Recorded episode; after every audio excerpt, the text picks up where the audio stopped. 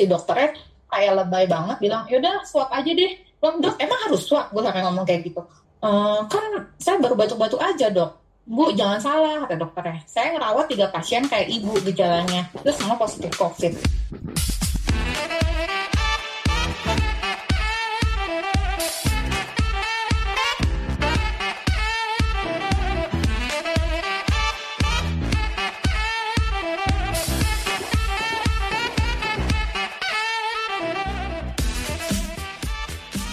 Halo semuanya, apa kabar? Back again with me, Sabo. It's been a long time. Gue katanya mau konsisten, but anyway, just forget about it, okay? I'm also busy as you. So, shut up. And sekarang udah bulan September, lebih tepatnya tanggal 6 September 2020 ketika podcast ini direcord. Dan saat ini kita masih ada, kita masih berada di fase pandemi. Coronanya belum selesai. Padahal sudah bulan September, tiga bulan lagi tuh tahun baru. Gila ya, 2020 itu kayak berasa cepet banget. Dan tanpa dirasa udah 6 bulan men gue WFH. Udah rasanya udah lama banget nggak nonton bioskop. Udah lama banget nggak nge-gym. Udah lama banget nggak jalan-jalan. Project Before 30 gue ke pending. Uh, that, anyway, that doesn't matter right now.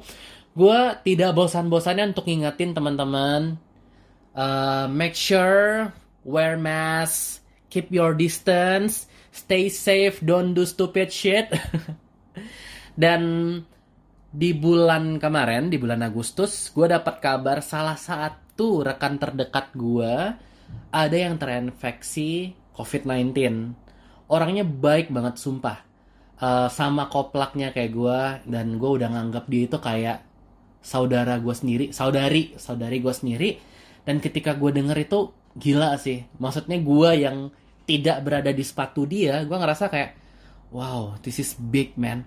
Dan alhamdulillah thank puji Tuhan sekarang dia udah sembuh dia dan keluarga udah sembuh dan mau meluangkan waktunya untuk berbagi cerita sama kita. So how bad this thing is or was. Yeah it it just happened. Dan tanpa berlama-lama lagi, kita telepon dulu ya Mbak Mawar ya. So, it started. Halo teman-teman semua, sesuai dengan diskusi kita tadi, hari ini kita beruntung sekali. Ada satu orang teman saya yang merupakan corona survivor. Dia orang yang luar biasa banget dan tenggatnya sekarang udah sembuh, sudah recover dan luar biasanya dia selain untuk dirinya sendiri, juga untuk mengurus keluarganya. Nah, jadi untuk menjaga kerahasiaan, kita sebut namanya Mbak Mawar. Mbak Mawar ini merupakan salah seorang karyawan bank swasta terkemuka di Indonesia. Dan orangnya cakep banget. Kalau misalnya lihat fotonya pasti nggak nyangka kalau usianya segitu. Oke ya. Halo Mbak Mawar. Halo, Sabu. Halo. Gimana kabarnya Mbak? Sehat? Sehat. Tadi aku tuh maksudnya uh, usianya berapa emang? Eh, kalau dari foto kelihatannya sih 28 ya. Sedikit banget nih ngomong usia. Tapi kalau aslinya kita nggak tahu. Maksudnya mah udah kuliah pak ya. Nah, jadi Mbak Mawar ini dulu eh, terpapar COVID ya Mbak ya? Iya, iya. eh, sekitar sekitar sebulanan yang lalu sih. Satu Sebelum- bulan yang lalu. Nah, jadi eh, gimana nih Mbak ceritanya sampai Mbak tahu kalau Mbak terpapar COVID? Aku sebulan yang lalu tuh kan lagi baru-baru masuk kantor nih, ke work from office kan, setelah sekian lama dari dari rumah WFH. Nah, satu minggu itu pas lagi jalan lagi WFH, Hmm? eh, hari pas hari Selasa gitu sih hari Selasa tuh eh, paginya cuman kayak tenggorokan tuh nyeri nih. Ini gue ceritain dari ini ya di Jawa gue ya pertama kali. Iya, heeh. tenggorokan gue cuma kayak nggak enak aja gitu kayak dalam gitu. Nggak enak lah gitu pokoknya. Terus begitu tuh makin Hmm. siang makin siang ada ah ah gitu kayak batuk. Kecil-kecil doang kecil-kecil. Tapi makin makin siang makin sore itu makin parah batuk-batuk gitu kan. Nah langsung Iya. lah tuh kan karena di kampung memang protokol ketat ya gue langsung sih sama pacar gue wah bu itu saya kayaknya agak-agak batuk ya terus sampai kan akhirnya eh, bos gue ya udah balik deh balik pas Hmm. dari hari Selasa itu gue udah tuh balik gue akhirnya gue WFH Oke. WFH di rumah gue tuh sambil kerja sambil batuk-batuk batuk batuk batuk sampai hari Jumat Mhm. dari Selasa sampai Jumat tuh ya kok gue agak kayak nggak bisa napas gitu ya kayak Susah eh, nafas, Mbak. bisa napas gitu nggak bisa napas terus Ah. akhirnya gue ke dokter dok Oke. dia pun yang waktu waktu itu si dokter itu eh bisa minum nggak bisa minum nggak sudah gitu Bisa bisa mencium bau gitu bisa ya. mencium nggak mencium bau nggak Ah, gitu kan Oke. ah. terus terus eh, pas gua rasa-rasain hmm, kayaknya ya samar sih dok bisa nyium bau hand sanitizer nggak? Katanya gitu. Terus gue pikir-pikir nggak bisa. Kayaknya nggak bisa deh dok. Nggak kecium nih sekarang hand sanitizer baunya. Waduh udah deh mending kamu swab aja katanya kayak gitu. Tapi kan gue sempet mikir kan nih dokter lebay banget sih. Kan gue cuma batuk-batuk doang kali. Batuk-batuk juga nggak yang gimana gitu kan dan badan gue tuh masih seger buger gitu loh. Cuman batuk doang. Nah cuman pas di hari Jumat itu ya cuman kayak hidung mampet gitu lah. Kayak hidung mampet aja gitu. Nah maksud gue kok ke dokter cuman mau minta antibiotik doang. Betul. si dokternya kayak lebay banget bilang yaudah swab aja deh. Bang dok emang harus swab? Gue sampai ngomong kayak gitu. "Eh, kan saya baru batuk-batuk aja dok. Bu jangan salah kata dokternya. Saya ngerawat tiga pasien kayak ibu gejalanya. Terus semua positif covid Terus udah mati gue yaudah dia udah kasih gue surat pengantar swab kan. Oke. terus ya ya untungnya sih waktu itu eh, kalau misalnya kalau ini gue sih agak males sebenarnya. Cuman gara-gara gue ngomong lah gue lapor ke kantor. Kantor bilang ya udah swab aja gitu. Terus semua di arrange sama kantor. Hari sabtu gue swab ketahuan. Hari di minggunya minggu eh enggak deh. Dari sabtu pagi gue swab sabtu jam 11 malam bos gue telepon bilang sorry sin ternyata lu positif. Gue kaget lah. Masa sih? Gue sampai bilang nggak percaya lah nggak enggak lah gue nggak mungkin. Enggak lu positif beneran ya gila gue langsung ya oh my god serius gue dapet dari mana ya. gitu kan. Terus gue sempat mikir lah tuh Oke. apa karena mertua gue ya? Karena mertua gue itu kan gue tinggal sama mertua gue. Ah. mertua gue itu tuh hari Jum dia tuh waktu sebelum gue sakit Ah. sekitar tiga hari sebelum gue sakit tuh dia udah batuk-batuk batuk-batuk-batuk gitu kan Iya. Nah, terus eh, gue bilang lah sama sama bos gue, bos gue bilang "Eh, enggak semua keluarga lu harus di swab gitu, karena kan emang di kantor tuh ya benar-benar concern nih terhadap karyawannya yang kalau ada yang kena. Jadi Betul. itu semua satu keluarga gue akhirnya hari minggu itu dibawa ke rumah sakit rekanan, di swab lah semua sampai pembantu-pembantu gue. Gue tuh ada gue tinggal serumah tuh sama dua mertua gue, eh mertua cewek mertua cowok, Ah. suami gue, anak gue dua, yang satu umur 8, yang satu masih bayi, umur satu, sama RT gue. Semuanya tuh hari Minggu mereka semua pergi ke rumah sakit swab. Satu Di rumah swab. ya, Mbak ya? Ha- Hari Senin pagi Satu rumah semuanya di swab. satu rumah semuanya di swab gitu karena kan pasti lalu di rumah eh apalagi gue gitu kan maksudnya di rumah pastilah pasti pasti tuh eh, apa namanya eh ya pasti kena kalau menurut gue sih ya namanya serumah gitu loh Ah. Rizky lah akhirnya semuanya di swab hari Senin pagi ketahuan tuh siapa-siapa aja yang kena dikabarin lah sama kantor yang kena tuh bener mertua gue dua orang tuh si cewek cowok itu mertua kena Hmm. Hmm, anak gue yang baik. Nah, itu yang gue kaget. Nah, ini Pas yang hari- yang gua lu tahu nggak pas pertama kali carrier yang Hmm. membawa uh, virus itu ke rumah lu siapa ya, Mbak ya? Lah, kalau misalnya ya logikanya gini, kalau misalkan mertua gue yang sakit duluan, gue sebelumnya nggak sakit. Gue gara-gara mertua gue sakit tiga hari sebelum gue gitu. Gue sih nggak nggak tahu ya yang namanya Ah. corona kita nggak nggak pernah tahu kan Betul. kita dapat dari mana gitu loh. Kita akan bisa tahu dengan pasti gitu kecuali kita Hmm. memang benar-benar berhubungan erat kontak dengan si penderita COVID yang kita tahu COVID. Nah kan gue nggak tahu pada saat itu mertua Hmm. gue itu kena COVID atau enggak. Nah sebelumnya pas gue sakit itu tiga hari sebelumnya mertua gue sakit nih. Ah, Waktu gue sakit batuk-batuk itu ke rumah sakit, cuman si dokternya bilang eh tadinya gue mau rapid tuh, mau Iya. rapid atau nggak swab kan si Hmm. mertua gue yang cowok itu. Kata dokter, ah nggak usah udah eh, apa minum obat aja aja dulu ya. gitu. Ah. Cuman kitanya keras ya udah dong kalau emang nggak swab rapid aja lah gitu. Kitanya yang berkeras tuh anak Hmm. emang suami gue yang berkeras gitu. Kalau si bapaknya itu kudu di rapid atau nggak di swab lah.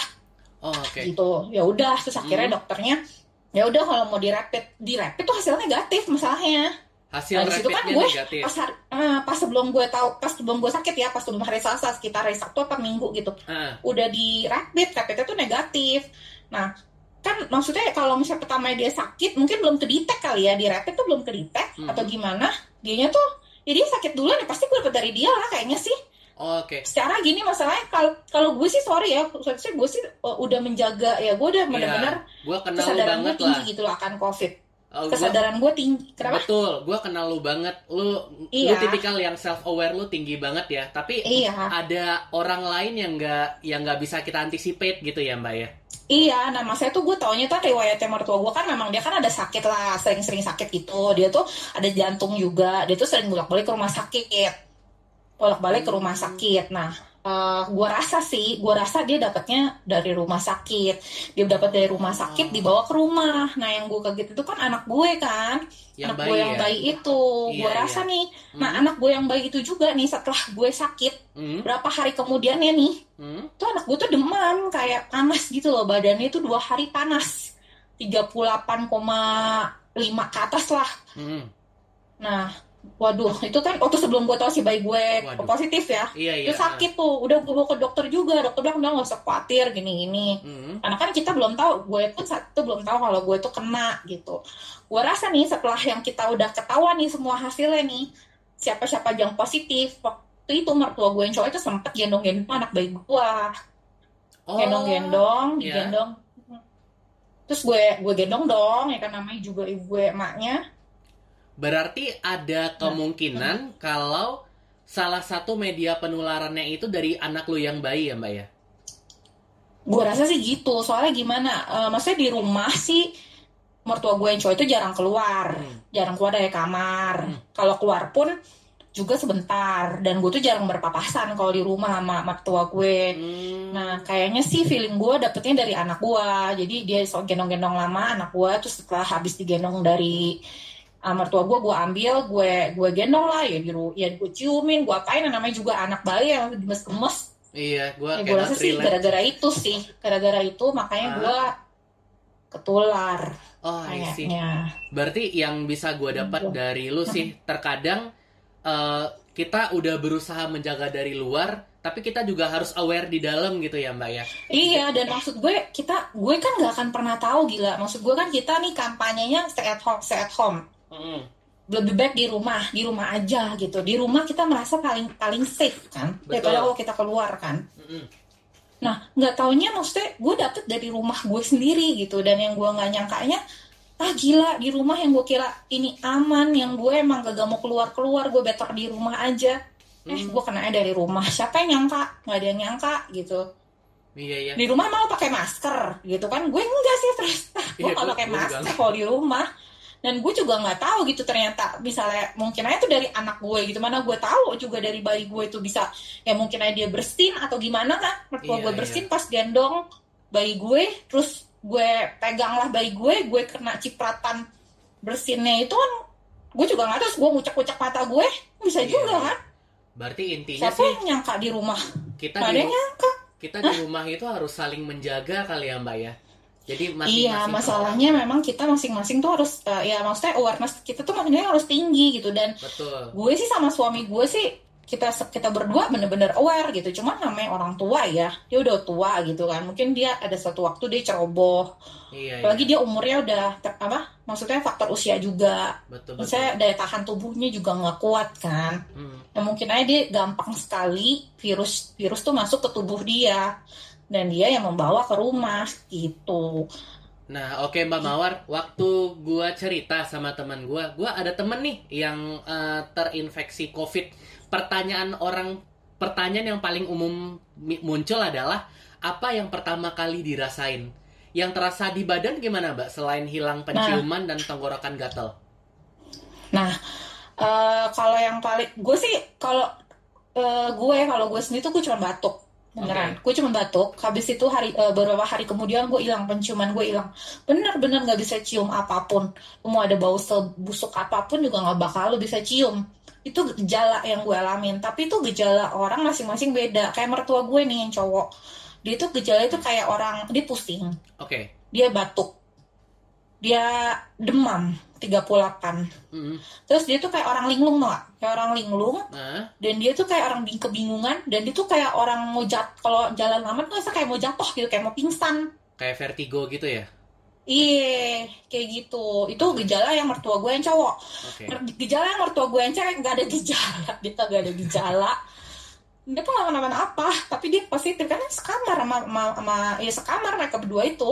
Oh, tapi memang gak ada yang cewek gak ada gejala Lah, Nah jadi itu gue, nah, itu tuh itu itu gejala gue. Nah lu jangan nggak berhenti tuh dari dari setelah gue kena tuh sama kan eh, apa laki gue nggak nggak apa negatif kan laki gue sama anak gue yang cewek yang gede negatif. Heeh. Negatif eh, akhirnya kan gue di berobat tuh eh apa gue dirawat tuh di rumah sakit. Pertua gue juga dirawat di rumah sakit. Hmm. Hmm. Sama bayi kan Semi- ya? Yang baik gue sama bayi gue bayangin aja. Berarti lu berempat ya sakit. saat itu di rumah sakit harus ya? ngurus anak gue. Gue nggak bisa diinfus. Gue diinfus nih. Sehari gue diinfus. Tapi lu bayangin gue tuh sekamar sama anak gue. Hah? ngurusin anak gue. Suster kan nggak mungkin lah kalau misalnya anak gue ganti popok itu. Nggak mungkin lah susternya mau mau iniin. Tetap gue harus yang ngerawat tapi di saat gue lagi sakit pakai pakai selang infus gimana caranya gue mau ngerawat anak gue anak gue yang baik gitu dia penderitaan banget stres gue di rumah sakit. Gue bilang sama dokter gue dok saya nggak bisa dok kalau saya diinfus gue bilang saya nggak bisa saya susah dok. Anak saya tuh udah aktif banget gitu. Walaupun bayi dia tuh panas cuman dia nggak kenapa-napa maksudnya masih aktif aktif aja gitu loh. Gue mesti suapin anak gue. Bayangin aja dengan tangan gue diinfus ya gue nggak bisa lah gue bilang sama dokter. Cabut aja lah dok. Saya minum oral aja saya saya nggak sanggup gitu. Nggak Hmm. sanggup beneran mau Tapi ngapa-ngapain susah. Akhirnya dicabut. Gue pakai oral minum minum obat biasa. Yang gua jadi gue cuma di kenapa? Yang gua salut dari lu di saat lu sendiri terpapar lu harus ngurusin anak lu sama ngurusin mertua lu juga ya? kagak lah. Kalau mertua gue Ah? ma itu di di di di, di rumah sakit yang lain. Gue Oh, di sama rumah anak sakit yang gue. gue sama anak gue di rumah sakit di satu kamar? Mertua gue di rumah sakit yang lain Oh, mertua gue dua orang itu. Nah maksudnya gue di saat gue sakit gue ngurus diri gue sendiri dan ngurus anak gue. Gua pikir lu kayak ini kayak bayi. dan dia udah, gitu. bisa jalan kan? Bukan bayi yang gimana dia udah bisa jalan. Dia Oh, udah bisa yang jalan. yang dia aktif gitu. Kan aduh gila. Itu gue makanya gue gak sembuh sembuh tuh. Rumah sakit gue udah sampai swab berapa kali tuh? Swab sampai tiga kali di rumah sakit gue swab tiga kali anak gue tuh udah sembuh. Anak gue tuh cuma seminggu dia udah negatif. Di swab ketiga di swab ketiga ah kedua dia udah negatif. Hmm. tapi gue masih positif. Masih positif terus. Nah gue mikir kenapa gue kagak sembuh sembuh ya tapi emang kayaknya sih anak bayi emang kalau anak kecil Hmm. dia cepet sih. Kayaknya sembuhnya tuh bisa cepet gitu dibandingin kita tuh yang orang dewasa. Kita tuh orang dewasa tuh lebih lama lah Oh iya. eh, untuk sembuhnya gitu nah ya gue sampai tiga kali karena gue juga capek ngurusin anak gue di rumah sakit stres gitu kan Kerjaan orang masih gue kontak nggak ke lu ya. kerjaan sih gue sih udah nggak kerja deh itu gue nggak kerja cuman kan namanya lu down lah lu kena Iya. covid gitu maksudnya lu kayak walaupun badan lo nih walaupun badan gue tuh nggak ngerasa sakit gitu ya gue cuma batuk-batuk gitu doang gitu ya badan gue Nah. mungkin masih seger tapi namanya ada virus di badan lo kan pasti lo merasa ada sesuatu yang aneh dong di badan lo Betul. gitu loh Lebih ke beban pikiran juga kali ya. iya mungkin karena itu juga stres juga capek juga gue nggak sembuh sembuh akhirnya tuh gue dirilis tuh karena anak gue tuh oh anak gue tuh trauma banget di rumah sakit setiap ngeliat APD orang kan suster kan mau pakai APD dong dokter Iya. Ah. jeritan nangis nangis langsung lari ngumpet di belakang badan gue gitu loh dan itu ka- kasihan banget anak gue tuh di infus Hmm. sehari kemudian infusnya dicabut Dia habis nyebut- itu besok kan mau dipasang infus lagi kan karena anak gue katanya ada bakteri di di paru-parunya.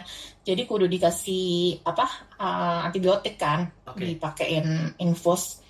Nah cuma sehari dicabut sama anak gue. Habis itu besok mau dipasang selang infus ditusuk sampai tujuh kali. Nggak dapet arterinya tuh ketipisan lu bayangin gue megangin. Itu suster udah berapa kali gak gonta ganti suster buat cuma nusuk nyari arteri infus dan itu kan anak gue udah teriak-teriak kayak apaan tahu gue meganginnya sampai kayak apaan itu tenaganya kuat banget tau nggak sampai tiga suster megangin sama gue sendiri aduh gimana gue nggak stres coba ya mungkin pikiran juga kali ya pikiran juga Iya, jadi gue iya. sembuh sembuh lah udah capek Tapi stres ini ya, anak lu luar biasa ya. Maksud gue Iya. bayi Kenapa? di infus Kenapa? sak- anak lu gue pikir-pikir luar biasa sih maksudnya bayi sam- disuap uh, beberapa kali di infus infus Iya. kan masuk ke Iya. pembuluh darah ya? Maksudnya kuat Iya. sih anak lu ya gokil ya? Iya gila itu di swab kan di swab juga sakit lah gila. Dan swab tuh anak gue di swab tuh di di, di, di hidungnya gitu itu keluar darah terus berdarah terus. Eh, anyway gue kan belum pernah swab gue pernah rapid tapi gue nggak pernah swab. Experience-nya swab itu gimana sih mbak? Gue penasaran soalnya gini kalau menurut gue kalau swab itu tergantung orang yang ngambil swab tau gak lo? Oh gue iya. udah di swab di dua rumah sakit kan dua rumah sakit tapi udah lima sekitar total lima kali swab. Gue udah lima kali swab. Yang swab pertama sakit banget rumah sakitnya beda sih sama yang kedua ini. Gila itu sakit banget. Yang gue sebel ya dia nge-swabnya tuh eh, gue baru tahu kan kalau misalnya swab dia kayak pakai sikat botol gitu kan kayak sikat dot kayak sikat Oh dot iya, gitu ah, kan sikat sikat dot kawat yang ya. panjang sikat pas sikat sedotan. Iya oke. Sikat cuma lebih tipis lebih tipis. Ah dimasukin lah ke lubang hidung lo gitu loh sampai ke atas nih sampai ke pangkal apa alis eh ke alis lo ujung ujung itu sampai kayak ke alis gitu loh tau kan? Ah. Maksudnya dalam banget gitu loh sampai dalam banget dimasukinnya. Ke nah di rumah sakit pertama tuh gue masa lubang ya? hidung dua biji abis itu di eh, apa tenggorokan gue dicocok sampai ke dalam gue mau muntah udah gitu perih ya. ngambil itunya juga sakit banget lagi di di apa di hidung gue. Gila. Ampun deh gue sampai nangis. Gue sampai cerita ke semua orang. Sakit banget. Sampai gue nangis tau nggak? Nggak berhenti nangisnya. Nah tapi yang di rumah sakit gue yang kedua yang Hmm. yang kedua nih yang berapa kali? Nggak nggak sakit. Cuma satu lagi pula itu cuma satu lubang hidung. Sama mulut doang. Dan mulut tuh tenggorokan juga nggak yang kayak ditusuk sampai ke dalam tau nggak lo cuman kayak apa sampai permukaan amandel lu doang gitu. Beda lah. Iya Ya, sampai nah, amandel juga sakit tenaga medisnya beda-beda nih yang swab. Tergantung sih gue bilang sih tergantung tenaga medis yang nge-swab lo gitu ada yang sakit ada yang enggak gitu. Oh oke oke kalau oke. anak gue kayak bergerak-gerak apa gimana gitu ya. Tiap kali di swab hidungnya berdarah mulu. Gitu Tapi yang ini lu setuju gak sih? Orang kan bilang kalau rapid test itu tidak membuktikan apa pun. Lu setuju gak iya sama itu? nah gue belum cerita tuh yang setelah gue abis di rumah sakit itu seminggu kemudian suami gue eh pas gue masuk rumah sakit itu suami gue udah merasa gak enak badan nih Hmm. Setengah enak badan, tenggorokannya nggak enak gitu doang kan, tenggorokannya nggak enak, cuman nggak batuk. Makin ke sini makin ke sini pas gue pulang gitu kan, pas gue pulang kan di hotel gitu kan. Dia bilang, eh gila gue lemes banget, gue muntah, gue nggak bisa makan, beneran nggak bisa makan, apa gue di rumah sakit aja ya, gitu pakai infus nggak bisa makan, gue pernah pusing kepala, itu kan. Bener, pas abis itu kan dia ke apa?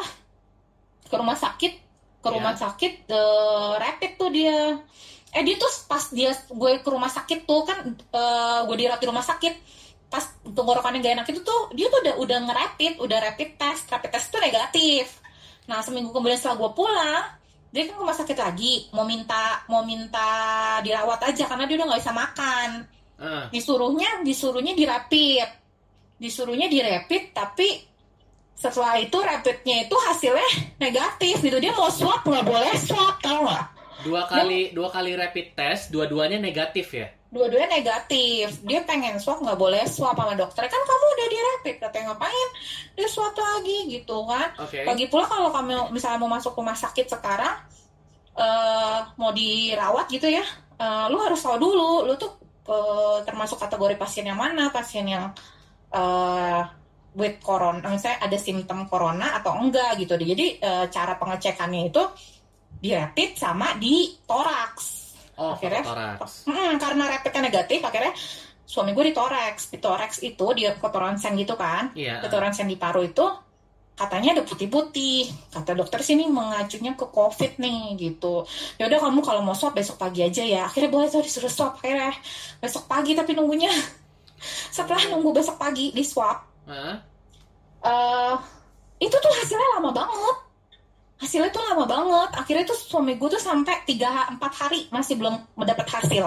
Oke. terus habis itu kan kesel dong. Akhirnya kantornya turun tangan. Ya udah lu swab yang ekspres aja nih. Udah ada rekanan baru bisa ekspres. Besoknya bisa selesai. Nah setelah di swab yang kedua kali itu Hmm.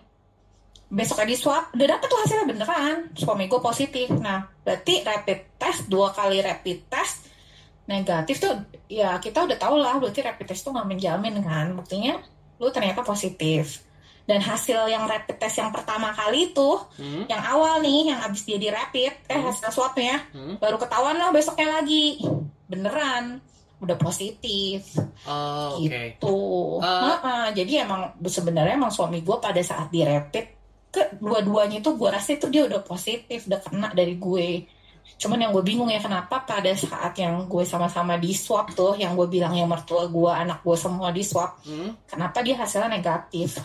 Hmm. Gue rasa mungkin pas jeda itu loh, pas jeda di hari Minggu, hari Seninnya kan gue di hari Seninnya kan gue dirawat kan mungkin ketularnya pada saat itu, Oh, I see. pada hari Minggu itu kemungkinan ya. Ada kemungkinan ini nggak sih Mbak faktor karena dia apa eh, laki lu ada beban pikiran, wah istri gua eh, Iya. sakit nih, terus imunnya ikutan melemah, jadi bisa terinfeksi saat itu ada ada pro- probabilities ke situ nggak ya? Kayaknya dia stres juga sih, gara-gara kan satu satu keluarganya juga sakit tuh. Satu orangnya eh, apa positif. Dia juga stres juga sih, sempat stres juga sih dia bilang gitu kan. Waktu itu bolak-balik anterin ke rumah sakit juga gitu. Kayaknya sih emang gara-gara itu juga kali ya begitu pada saat dia stres, habis itu dia lemah, apa maksudnya eh, badannya lagi kondisinya nggak fit ya gampang lah virus itu masuk, ya kan? Hmm. Berarti emang penting banget ngejaga pikiran ya, biar kita imunnya juga tetap kuat ya Mbak ya. Iya, padahal tapi ya maksud gue kalau Hmm. laki gue itu tuh dia tuh memang minum vitamin terus gitu loh dari kita kan benar-benar sama-sama aware gitu ya dia tuh Hmm. minum vitamin terus tiap hari dan eh, ya, olahraga juga Hmm. gitu dan gue juga nggak tahu sih ini gimana virus ini. Maksudnya kita udah menjaga udah sambil minum vitamin gitu itu menjaga imun tubuh tapi bisa kena gitu loh. Iya iya. iya. Gue juga bakal baca juga. Kenapa? Gue baca berita, lo tahu ini gak sih Dwayne Johnson, The Rock? iya iya tau tau dia kena kan? Iya, maksud gue The Rock gitu loh, badan segede gaban, olahraga, Iya. vitamin lengkap, Iya. kena kena juga. iya. Makanya So who the hell you are gitu loh yang masih nongkrong di bar. Ya makanya nggak ada yang tahu lah. Gue sih, gue sih yakinnya ya semua Ah. manusia. Eh maksudnya semua mah pasti bisa kena lah. Tinggal tunggu waktu aja. Wow. Semuanya pasti kena, bisa kena gitu loh. Lu mau sekuat apa pun, badan lo se ini apa pun, sesehat apa pun, pada saatnya lo kena ya lo akan kena gitu. Menurut gue sih. Iya, Jadi ya gimana ya? Memang hati-hati ya. ya ya, ya hati-hati. Gue juga hati-hati. Tapi kita juga nggak tahu gitu loh. Gue bisa ya dapatnya dari rumah gitu. Iya, iya. mana ya memang ya memang kondisinya kayak gini maksudnya virusnya tuh aduh gak tau deh udah gitu udah sekali kena lu sembuhnya lama menderita banget deh lu sebulan lu baru sembuh Hmm, berapa beberapa minggu 3 sampai 4 minggu lu baru sembuh baru baru baru negatif Iya, belum kalau itu kan banyak ini ya, eh, spend money, spend time, waktu Iya. juga, pikiran segala macam. dan Hmm. iya maksudnya stres gila maksud gue sedih lah down banget lah lo kena covid kayak gitu kan dan apa kan kalau orang-orang sampai tahu gitu kan gue tinggal di apartemen juga kan Iya. itu gue tuh benar-benar nutupin nutupin nutupin kalau kita sekeluarga tuh kena gitu loh karena kalau misalnya sampai tahu warga apartemen sini waduh yang ada gue bisa diusir kali Iya. bisa ditendang Sayangnya Dan kalau itu misalnya ya. ada satu yang kena ntar dia bilang nih dari si klaster si ini nih si Iya. unit ini nih waduh gue bisa disu yang ada ntar sayangnya surrounding kita itu juga nggak nggak suportif banget ya mbak ya maksudnya bukannya memberikan beban moral eh bukannya memberikan support moral malah yang adanya nanti malah jadi beban moral gitu ya itu tergantung sih sebenarnya tergantung. Cuman kan gue keparnoan gue adalah gue Hah? takutnya takutnya bakal seperti Diusir itu ya? kalau misalnya kalau misalnya di sini gitu kan. Cuma itu tergantung orang sih. Ada Ah, yang oke. ada yang support ada juga yang enggak gitu ya. Makanya untuk menjaga-jaga ya better Hmm, eh ya gue sih gue sih nggak nggak terbuka sih. Nggak mungkin gue umumkan juga sih. Sa- di satu apartemen. Kalau gue kena bisa menimbulkan kepanikan ntar orang-orang di sini Oke, gitu. nah mbak ini kan eh, vaksinnya covid sampai sekarang belum ketemu. Jadi obat yang lu konsumsi selama eh, proses penyembuhan apa ya mbak ya? Nah gue tuh eh, terus terang pas gue di rumah sakit gue kan minum obat oral tuh ya. Iya. Dia tuh cuma kasih gue tuh obat batuk sama vitamin vitamin banyak ada zinc. Oke. Kayaknya emang lu kalau misalnya kena Hmm, si dokter pasti kasih lu vitamin zinc zinc mineral itu hmm, Nah, eh, vitamin C, vitamin C yang dosis tinggi. sama Oh, iya. zinc sama Bentar. udah tuh obat Ba- batuk gue cuma minum antibiotik kali ya Gue gue cuma minum kepikiran itu deh. doang Vitamin C dengan dosis tinggi bukannya bisa mengakibatkan keguguran ya? emangnya gue lagi hamil Enggak, coba enggak, sih maksud lihat kali Gue kebayang itu kalau misalnya yang kena itu wanita hamil. Entah kenapa sekelebat. nah itu penanganannya beda lagi oh, iya, kelas oke oke sip gue sip. sih nggak tahu kalau misalnya ntar lu interview aja wanita hamil dengan kamu yang kena covid gue nggak tahu deh obatnya kayak gimana Zinc Nah, sama vitamin C ya? gimana Zinc sama vitamin C. zinc sama vitamin C eh, cuman di Hmm. beda-beda rumah sakit beda-beda dokter gue rasa beda-beda treatment kalau laki gue dikasihnya tuh tau nggak Hmm. Avigan Avigan tuh yang obat dari Jepang itu loh yang sama chloroquine obat malaria yang dari US Oh iya. nah Oke. dia dikasih tuh di rumah sakitnya itu kan katanya obat klaimnya kan dia obat buat nyembuhin covid kan Iya. Nah kalau gue nggak dikasih, itu tuh katanya alfigannya itu aja katanya satu biji satu juta kata kata laki gue. Wow. Laki gue tuh cuman seminggu, abis itu 80 juta, seminggu lebih lah, semingguan lebih, Waduh. 80 juta lebih. Dua motor Karena ya obat-obatan seminggu itu mahal. Kalau gue sih kagak, kalau gue seminggu cuman 20-an ya, 20-an juta. Karena kan gue juga nggak dikasih obat, nggak diinfus juga. Cuman ya obat-obatannya standar lah, STD. Iya iya iya. Sama ini nggak Mm-mm. sih disarankan banyak minum air mineral juga nggak sih mbak? Iyalah, pastilah. Banyak minum air putih gitu doang. Ya, standar lah. Semua juga harus banyak minum air putih ya nggak? Hmm. Cuman apa ya kalau ya kalau kalau nyokap gue saraninnya pakai minyak kayu putih. Iya. Terus minum madu, yang gitu-gitulah, yang banyak blender di grup WA, katanya harus dibalurin minyak kayu putih. Kalau bisa minyak kayu putihnya diminum. Ah. Ya gue sih nyokap gue bawel gitu ya udahlah, gue ikutin aja lah. Jadi di rumah sakit gue balurin lah minyak kayu putih berapa jam berapa jam sekali gue balurin. Anak gue sampai kulitnya sampai gosong gitu tuh kepanasan. Iya, Gue balurin minyak kayu putih mulu.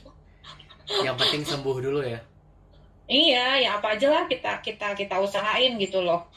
Hmm oke oke. Mm-mm. Nah mbak, jadi eh, setelah lu dalam proses penyembuhan, setelah eh, lu dinyatakan sembuh nih di swab terakhir, oke sudah sudah nggak ada nih eh, coronanya.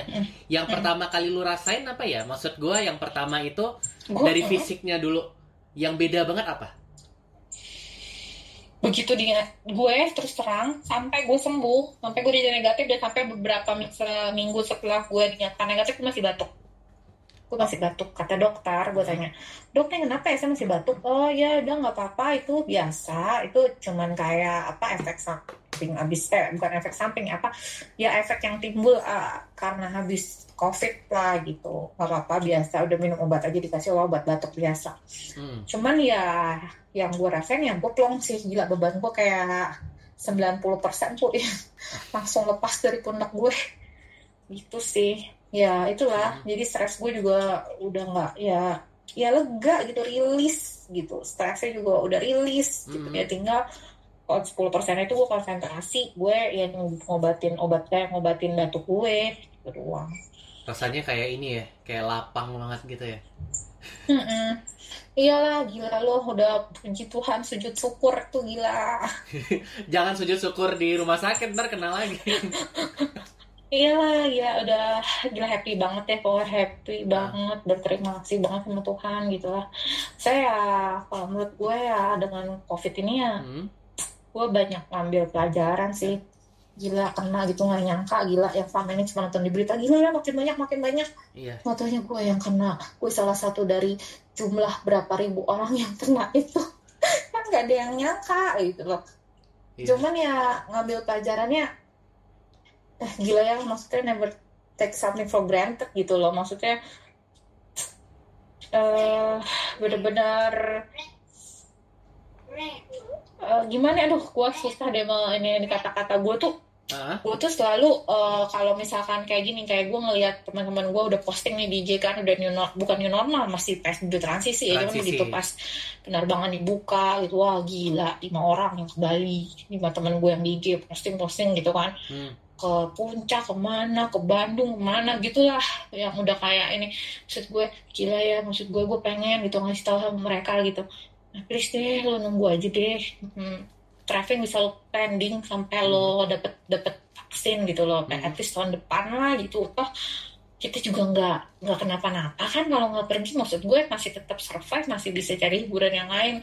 Walaupun gue juga orangnya kan gue demen banget traveling. Maksudnya kayak orang pasti kecanduan gitu kalau gue kalau nggak traveling. Cuma dengan kemarin-kemarin nih pada saat gue belum kena aduh gila udah pokoknya ntar penerbangan dibuka gue udah mau pergi ke Bali lah ke mana lah.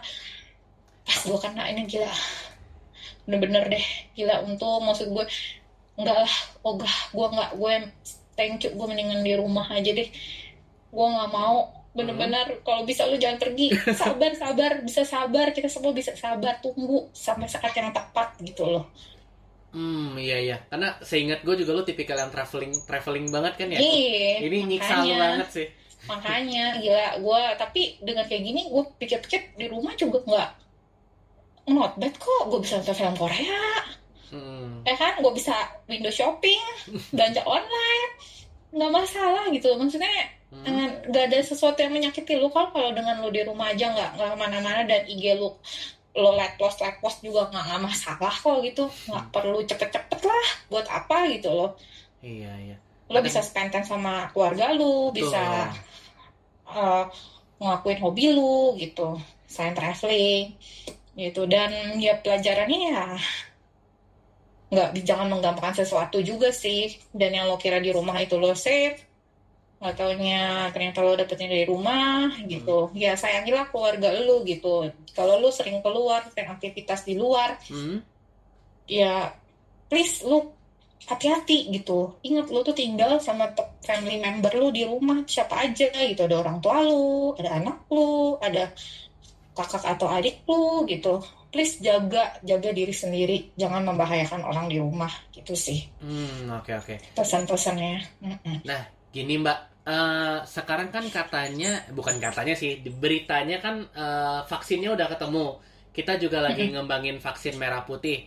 Lah kita eh, berpikir optimis nih, let's say misalnya awal Januari besok eh, vaksinnya udah ketemu, sudah di sudah diberikan ke semua orang, everything's cured gitu loh.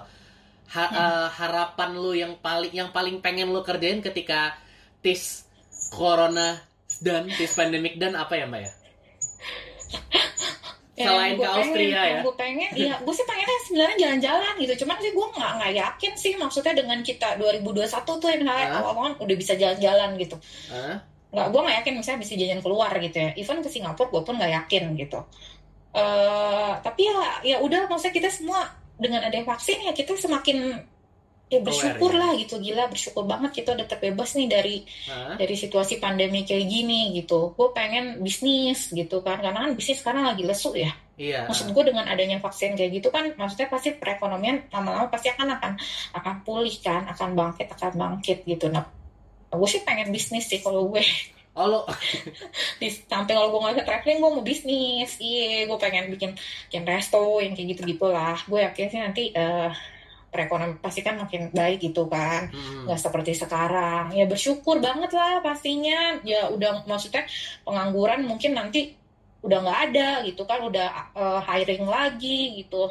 Hmm. ya berterima kasih sih. Ya bersyukur aja gitu. Entah paling kenapa, kalau misalnya udah ada yang vaksinnya kenapa entah kenapa yang yang di top of mind gue pertama itu Austria yang nggak jadi kemarin itu loh. hahaha nggak lah maksud gue eh, bisa ditunda lah ya gue Iya. lu kan tau gue orangnya tuh paling gue kalau nggak traveling tuh gue kayak bisa apa ya gue kayak udah addicted kalau Sakau. gak, gak ada kayak gini gue addicted banget tuh travel gitu gue setahun Iya. tuh bisa lima kali enam kali jalan-jalan Hmm, dengan oke, status gue yang pegawai pegawai kantoran bisa bisa jalan-jalan segitu berapa kali tapi ya karena gue addicted cuman kan udah tahu situasi kayak gini Hmm. udah dapat musibah kayak gini gila gue belajar banget gitu loh maksudnya ada hal-hal lain yang lebih lebih penting daripada traveling daripada eh, yang lain-lain lah yang enak-enak gitu Iya iya. Iya ya kayak belajar ambil hikmah dari semua ini semakin membuat lu dewasa kayak gitu semakin membuat lu bersyukur semakin mendekatkan lu sama keluarga lu sama Tuhan lu kayak gitu sih Gokil wise banget pak gue ya. Nggak, tapi bener loh lo kena ini Hah? kena ini jadi banyak banget yang yang masa yang bisa di diambil hikmahnya gitu. Habis ini gue langsung sholat isya deh. Iya, dan dan kayaknya lu dengan dengan gue kena kayak gini, maksudnya gue jadi kayak jiwa sosial gue tuh jadi kayak kayak bertumbuh aja gitu jiwa jiwa sosial gue kayak Iya, iya. mau beramal mau apa gitu kan, kayak hmm, mikirin orang lain yang lebih susah dari gue gitu, yang aduh mereka gimana ya, kayak lebih peduli jiwa sosial gue lebih lebih inilah lebih naik gitu lah, lebih bertumbuh Iya. gara-gara emang kita kayaknya harus dihajar dulu ya dihajar eh, pakai musibah gitu dihajar pakai penderitaan dulu jadinya lu bisa menghargai hidup lo gitu bisa menghargai hidup lo dan dan orang lain gitu bisa lebih care gitu sih Wow. Well, gitu anyway, Sabo eh. thank you banget mbak. Gue uh, gue mencoba untuk berdiri di sepatu lu, tapi gue yakin gue nggak bakal bisa karena itu experience yang luar biasa banget dan gue harap ya I hope that not happen to me. Mudah-mudahan gue belajar dari experience lu aja dan ya Mm-mm. dari penjelasan Mbak Mawar ini kita bisa dapet ya maksudnya kayak segitu tingginya tingkat secure orang juga masih bisa kena apalagi orang yang sepele Betul. banget ya Mbak ya. Mm-mm, mm-mm. Benar apalagi orang yang nggak nggak mikir gitu loh kayak menganggap remeh Iya. alah corona covid gitu apaan sih gitu kayak yang mereka masih ah gue nggak bakal kena gue masih muda gue masih kuat gue fisik Iya, gue iya. kuat gue minum vitamin tiap hari nggak bakal Wow. kena ya gimana orang yang kayak gitu gitu loh ingat lo jangan pernah berpikir kayak gitu gitu semua pasti bakal kena tinggal waktunya aja sih kalau menurut gue tinggal waktu dan takdir lu kena atau enggak gitu kan Mm-mm. dan di saat lo kena wah eh, mungkin fisik tuh mungkin ada orang yang tanpa gejala ada orang yang pakai gejala. Mungkin ada yang gejalanya bener-bener parah ada yang gejalanya ringan gitu. Tapi pasti lu down lah mental lu down. Dan itu kan eh, covid sembuhnya lama. Nggak bisa cepet nggak bisa yang kita batuk paling tiga hari sembuh minum obat. Ini kan lama gila tiga minggu gue sampai 10 bulan baru sembuh. Hmm, oke oke. itu kan bayangin aja mental lu digerus sampai berapa minggu gitu mental lu down lah Iya, benar-benar. Well, Iya. anyway, thank you, thanks a lot Mbak Mawar sebagai seorang karyawan bank swasta terkemuka di Indonesia. lebay Kalau yang untuk ini gue nggak perlu promo IG lu dulu ya. eh janganlah nggak usah Nanti kalau misalnya kita discuss sama Mbak Mawar mungkin nanti deh di obrolan yang lain ya. Mbak Ya, Mawar obrolan jaga kesehatan lain ya. Salam untuk keluarga dan semoga bisnisnya lancar ya. Thank Iya, you. thank you. Bye bye. bye bye ya bye bye